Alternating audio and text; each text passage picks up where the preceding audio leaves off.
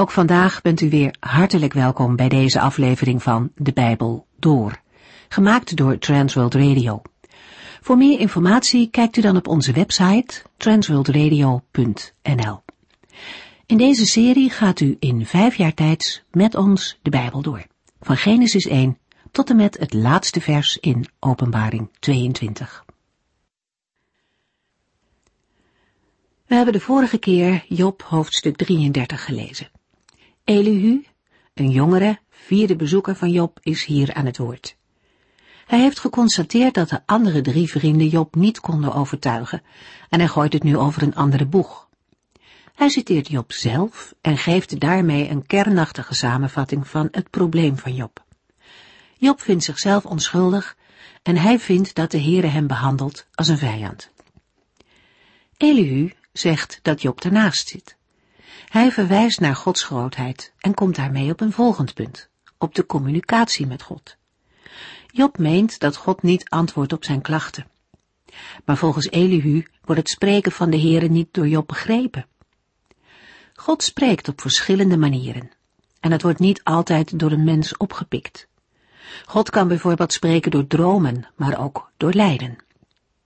Elihu werkt dat verder uit hij ziet het lijden niet zoals zijn voorgangers als straf op gedane zonde. Het gaat niet om wat Job heeft gedaan, maar om wat Job nog moet doen. De ziekte brengt immers tot beleidenis en tot geestelijk eerherstel. God is niet de vijand van Job, maar de verlosser die hem tot inkeer brengt. In dit hoofdstuk wordt de genade van God die mensen van de dood wil redden, mooi naar voren gebracht. Hoewel Elihu wel ingaat op de verlossing na de bekering, heeft hij het nauwelijks over hoe God dan door het lijden heen spreekt. En dat is natuurlijk wel het punt waar Job mee zit. Elihu geeft Job de gelegenheid om te reageren. Maar daar maakt Job geen gebruik van. En dan gaat hij verder. We lezen vanaf hoofdstuk 34. De tweede toespraak van Elihu tegen Job verschilt vrij grondig van de vorige. Ten eerste wordt de toon scherper, omdat Elihu Job aanklaagt om zijn opstand tegen God. Ten tweede richt Elihu zich niet alleen tot Job, maar ook tot zijn vrienden. Als Elihu Jobs houding omschrijft, doet hij dat tegenover de vrienden van Job. Zijn toespraak valt uiteen in twee delen en een epiloog. In vers 1 tot en met 15 spreekt Elihu de vrienden van Job aan, en in vers 16 tot en met 33 spreekt hij Job aan. De epiloog vinden we in de versen 34 tot en met 37. Job 34 vers 1 tot en met 3. Elihu vervolgde zijn toespraak. Luister naar mij, wijze mannen. Onze oren kunnen woorden beoordelen zoals ons gehemelte de smaak van ons voedsel proeft. Elihu richt zich tot de vrienden van Job, die hij als wijze mannen aanspreekt.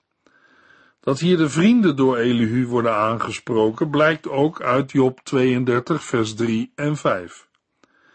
Net zoals Job al zei, in Job 12, vers 11, zegt Elihu in vers 3, het oor is niet enkel om woorden te horen, maar ook om ze te keuren.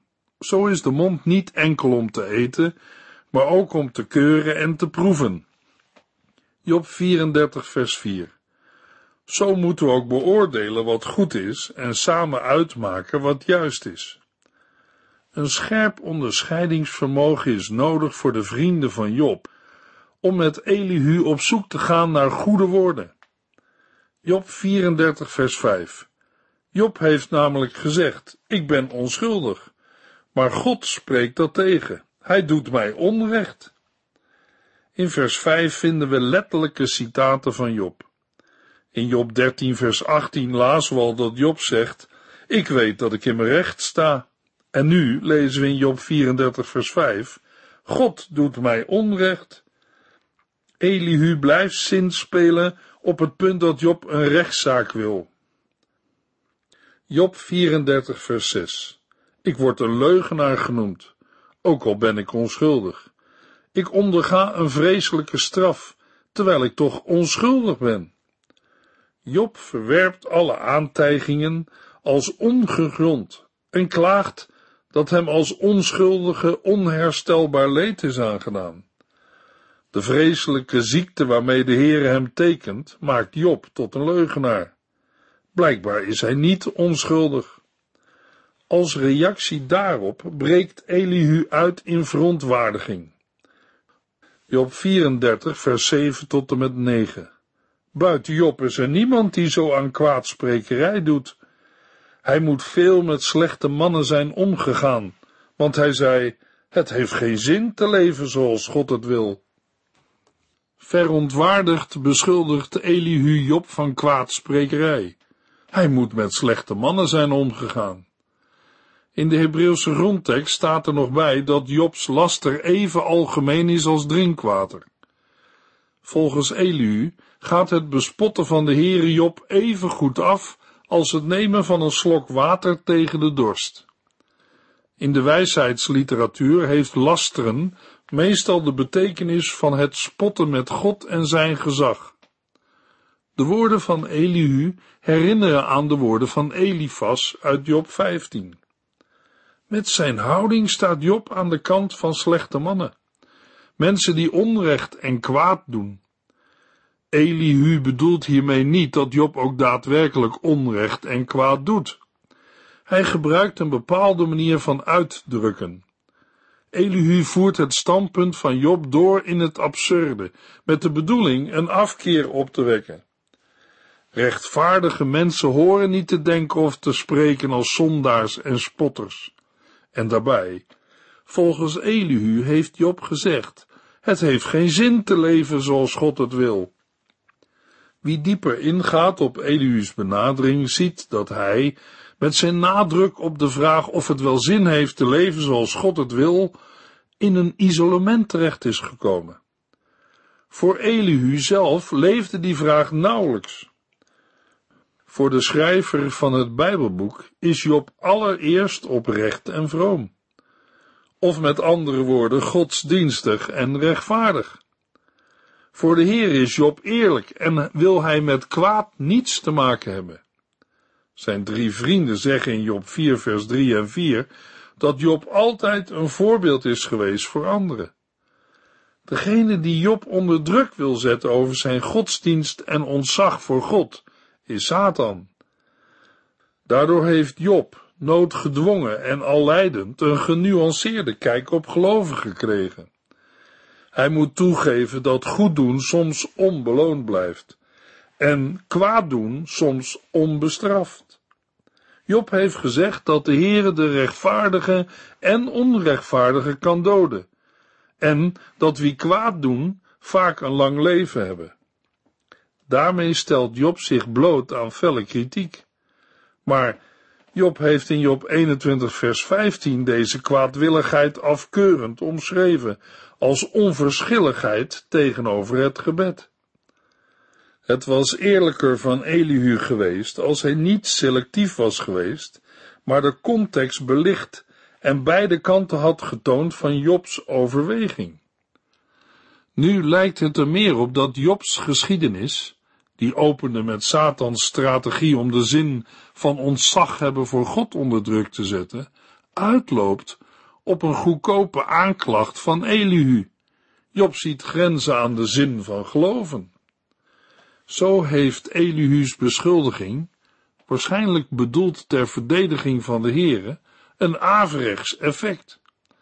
Op deze manier is het eerder koren op de molen van Satan. Elihu vindt de houding van Job schandalig.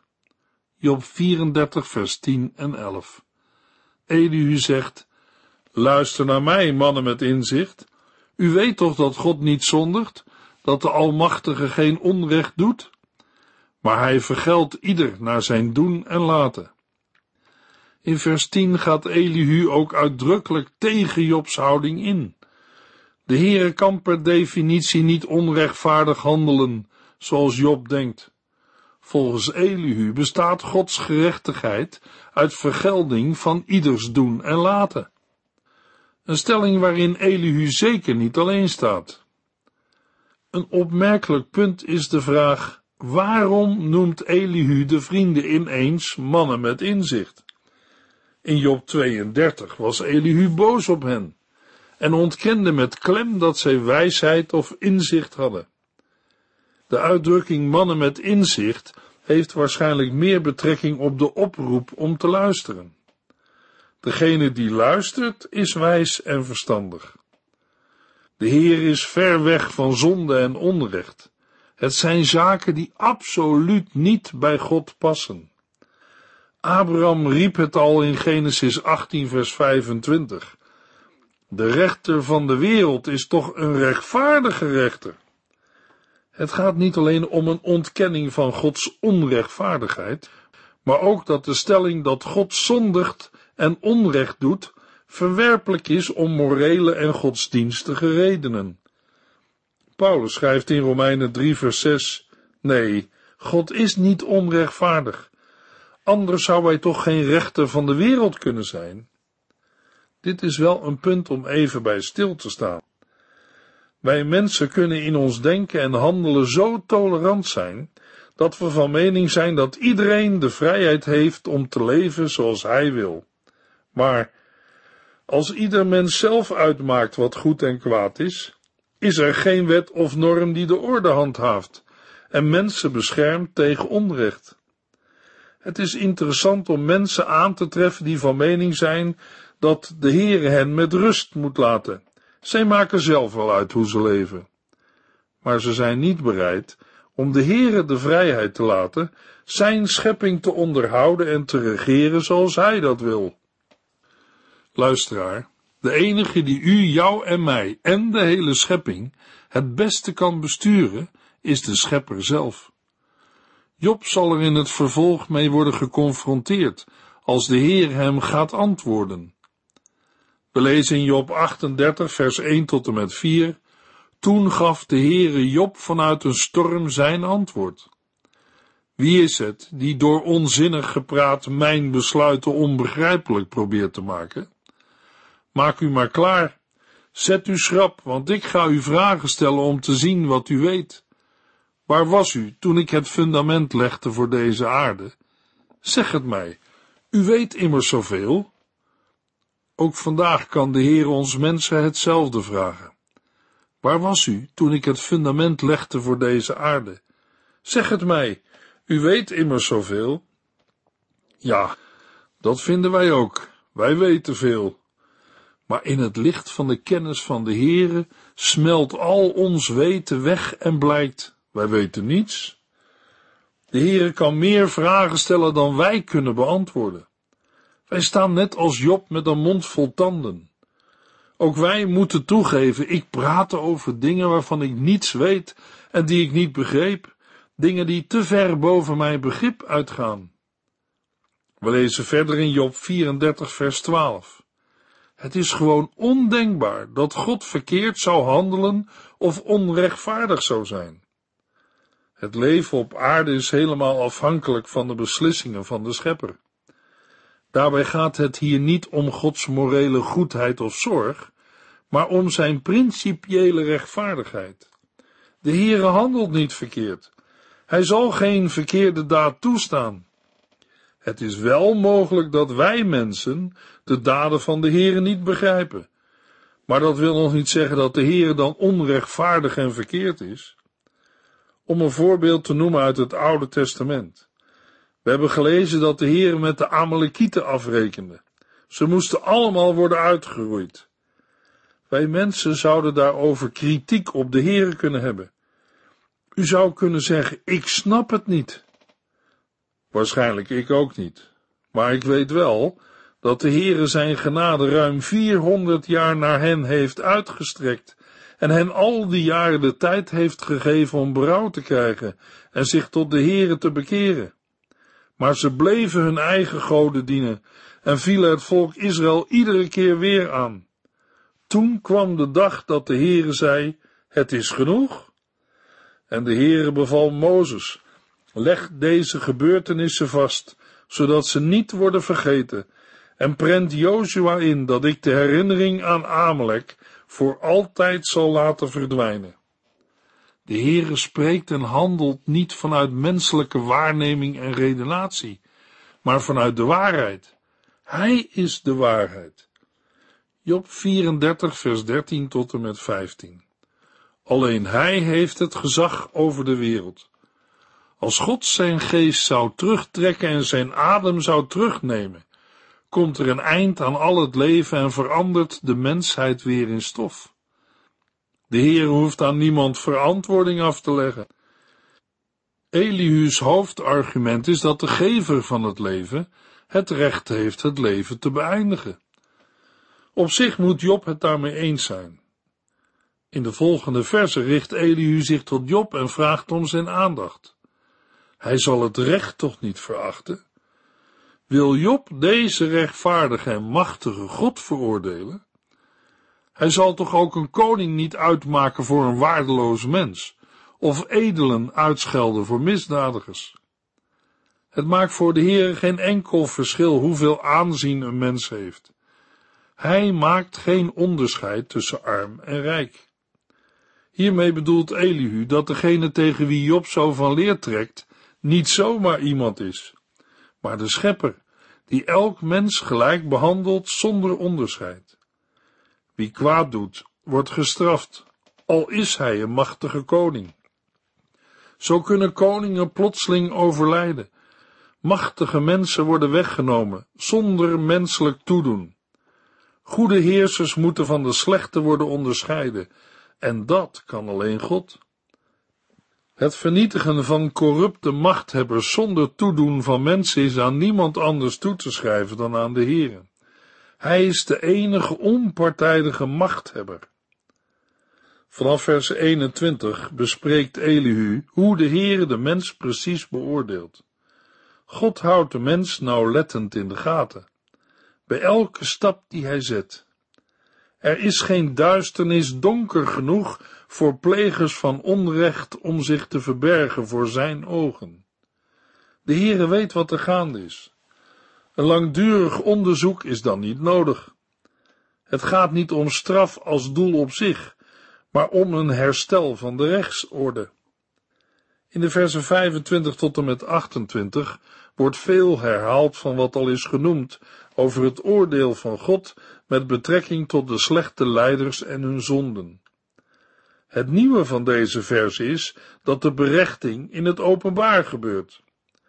Een tweede nieuw gegeven is dat de corrupte leiders de armen hebben verdrukt, maar dat het geroep daarover gehoor vindt bij de heren. Dit schaamteloze machtsmisbruik wordt hier genoemd als de meest specifieke uitingsvorm van het verlaten van Gods geboden. Gods gerechtigheid toont zich in het ten val brengen van corrupte heersers. Elihu roept op om te geloven in Gods rechtsorde, al lijkt het er soms op alsof de Heere ver weg is en zijn aangezicht verbergt, alsof hij geen belangstelling heeft voor de wereld en het onrecht dat gebeurt. De Heere blijft trouw waken over volken en individuen, juist om hen te beschermen tegen de valstrik van de goddeloze tirannen. Als de Heere een mens moet corrigeren en opvoeden, dan moeten we onze les leren en niet doorgaan op een verkeerde weg. Job 34, vers 31 en 32. Als iemand tegen God zegt, ik ben schuldig en zal mijn straf dragen, maar ik zal geen slechte dingen meer doen. Leer mij wat ik verkeerd heb gedaan. Laat het mij zien als ik onrecht deed en ik zal het niet weer doen. Moet God naar uw mening het kwaad dan toch vergelden? U hebt geweigerd u te bekeren. Vertel het ons als u het weet, want u moet hier een uitspraak over doen, niet ik. Elihu wil Job leren wat hij moet doen. Hij concludeert, weldenkende mensen zullen direct erkennen hoe Job zonder enig inzicht heeft gesproken. Ze zullen Jobs woorden zonder probleem klassificeren als goddeloos. Werd Job maar beproefd tot het uiterste, want hij praat als een boosdoener. Job 34, vers 36 en 37. Job verdient het voortdurend op de proef te worden gesteld, om de wijze waarop hij tegen God heeft gesproken. Aan al zijn zonden heeft hij ook nog opstandigheid en verwaandheid toegevoegd. Voortdurend heeft hij wat tegen God in te brengen. Terwijl de eerste drie vrienden Job beschuldigen van verborgen zonde, heeft Elihu een andere benadering. Hij kan Job van geen enkele andere zonde beschuldigen dan dat Job de Heere aanklaagt. Voor Elihu is een behandeling van Gods wegen per definitie eerlijk, terwijl die door Job in zijn situatie als oneerlijk wordt ervaren. Het is duidelijk dat geen mens deze knoop ooit uit elkaar zal halen. Het is ook duidelijk dat het pijnlijke raadsel van het lijden zwaar kan wegen op iemands geestelijk leven, zeker in de sfeer van wederzijdse beschuldigingen. De vraag blijft over. Als wij het lijden niet kunnen verhelderen voor elkaar, hoe kunnen wij elkaar dan helpen? Job 35 vers 1 tot en met 6 Elihu vervolgde, denkt u dat het juist is als u beweert, ik ben rechtvaardig voor God? Toch zegt u, ik ben bij hem niet beter af dan wanneer ik wel had gezondigd. Ik zal u een antwoord geven, dat ook voor uw vrienden is bestemd. Kijk eens naar de hemel en de wolken hoog boven u. Als u zondigt, beïnvloedt dat God dan? Ook al zondigt u steeds weer, wat voor gevolgen zou dat voor hem hebben? Voor de derde maal neemt Elihu het woord. Hij legt Job uit dat deze nog veel moet leren. Job vraagt zich immers af wie er gebaat is bij een vroom leven en of hij niet even goed had kunnen zondigen, althans volgens de weergave van Elihu. In de versen 9 tot en met 16 legt Elihu uit dat God de noodlijdende niet helpt als er zonde in de weg staat. Elihu weet dat Job zichzelf rechtvaardig vindt voor God. Daarom kan hij vragen, denkt u dat het juist is als u dat beweert? Is het goed om te vragen wat voor zin een vroom leven heeft? Elihu zal zowel Job als zijn vrienden antwoord geven. Zij moeten niet denken dat de Heere persoonlijk schade leidt door Jobs gedrag. Daarvoor is de afstand tussen de aarde en de hemel te groot. Daarom draagt Jobs rechtsvaardigheid ook niets bij aan Gods positie. Niet God, maar Jobs medemensen ondervinden daarvan het effect. Elifas had al gezegd dat God niet afhankelijk is van menselijke rechtvaardigheid. Elihu gaat een stap verder. Gods dienstigheid beïnvloedt God niet, maar wel het welzijn van de mens. Job 35 vers 8 tot en met 10 Uw zonden kunnen slechts uzelf raken en uw goede daden kunnen alleen stervelingen beïnvloeden. De onderdrukten schreeuwen weliswaar onder het onrecht en kreunen onder de macht van de rijken, maar toch roept geen van hen tot God en zegt, waar is God, mijn schepper, die mij s'nachts mijn krachten teruggeeft? Toen Job beschuldigend sprak over het hulpgeroep van de onderdrukte, vergat hij de mogelijkheid dat de onderdrukte ook zelf schuld kan hebben. Verdrukt worden is op zich nog geen bewijs van onschuld. Het uitschreeuwen van pijn of nood is nog niet hetzelfde als een bewuste smeekbede tot God. Elihu zegt, wie in nood is, moet in zijn roepen niet verzuimen te vragen naar de Heere, zijn schepper. Aan de mens leert de Heere meer dan aan landdieren of vogels. Job zelf heeft ook gezegd dat dieren en planten de geheimen van Gods werk doorgronden. De natuur leert de mens wijsheid te zoeken, ook in het lijden. Maar Elihu vindt dat Job daar geen lessen uit trekt. God is niet in de eerste plaats de helper die noodsituaties oplost, maar vooral de schepper en de ware wijsheid. Wie in nood verkeert, moet in de eerste plaats iets leren uit zijn ellende en er niet meteen uit verlost willen worden. Ook moet hij niet alleen maar roepen als de dieren die hun leed niet begrijpen.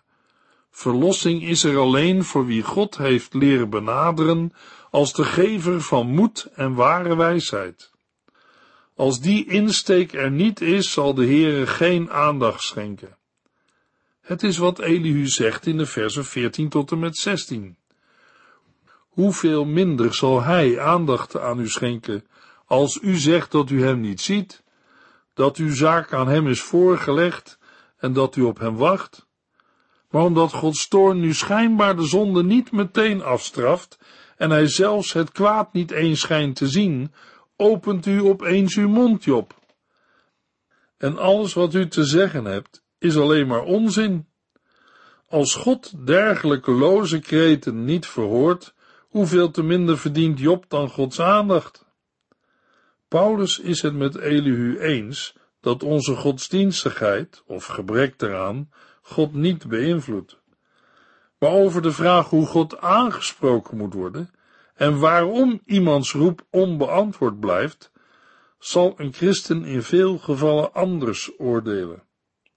Job 36 vers 1 Elihu vervolgde, heb nog even geduld, dan zal ik verder gaan, want ik ben nog niet klaar met God te verdedigen. Nu volgt Elihu's vierde en laatste toespraak. Deze toespraak bevat geen citaten van Job, in tegenstelling tot de voorgaande. Enerzijds vertelde Elihu in Job 36 over de rechtvaardigheid van God, en anderzijds over zijn macht over de natuur. De koppeling tussen beide is voor Elihu essentieel, zoals duidelijk wordt in bijvoorbeeld Gods beheer van de regen. In de volgende uitzending lezen we Job 36 en 37. U heeft geluisterd naar De Bijbel Door, in het Nederlands vertaald en bewerkt door Transworld Radio. Een programma waarin we in vijf jaar tijd de hele Bijbel doorgaan. Als u wilt reageren op deze uitzending of u heeft vragen, dan kunt u contact met ons opnemen. Tijdens kantooruren kunt u bellen op 0342 478432 0342 478432. Ook kunt u een e-mail sturen naar de Bijbel at transworldradio.nl en natuurlijk kunt u ook via de post ons bereiken. TWR, postbus 371, postcode 3770, AJ in Barneveld. Dit programma werd gepresenteerd door Cor Weda en Ike André. Techniek was in handen van Odin van Voerkom. En wij allemaal bedanken u voor het luisteren. Graag tot de volgende keer.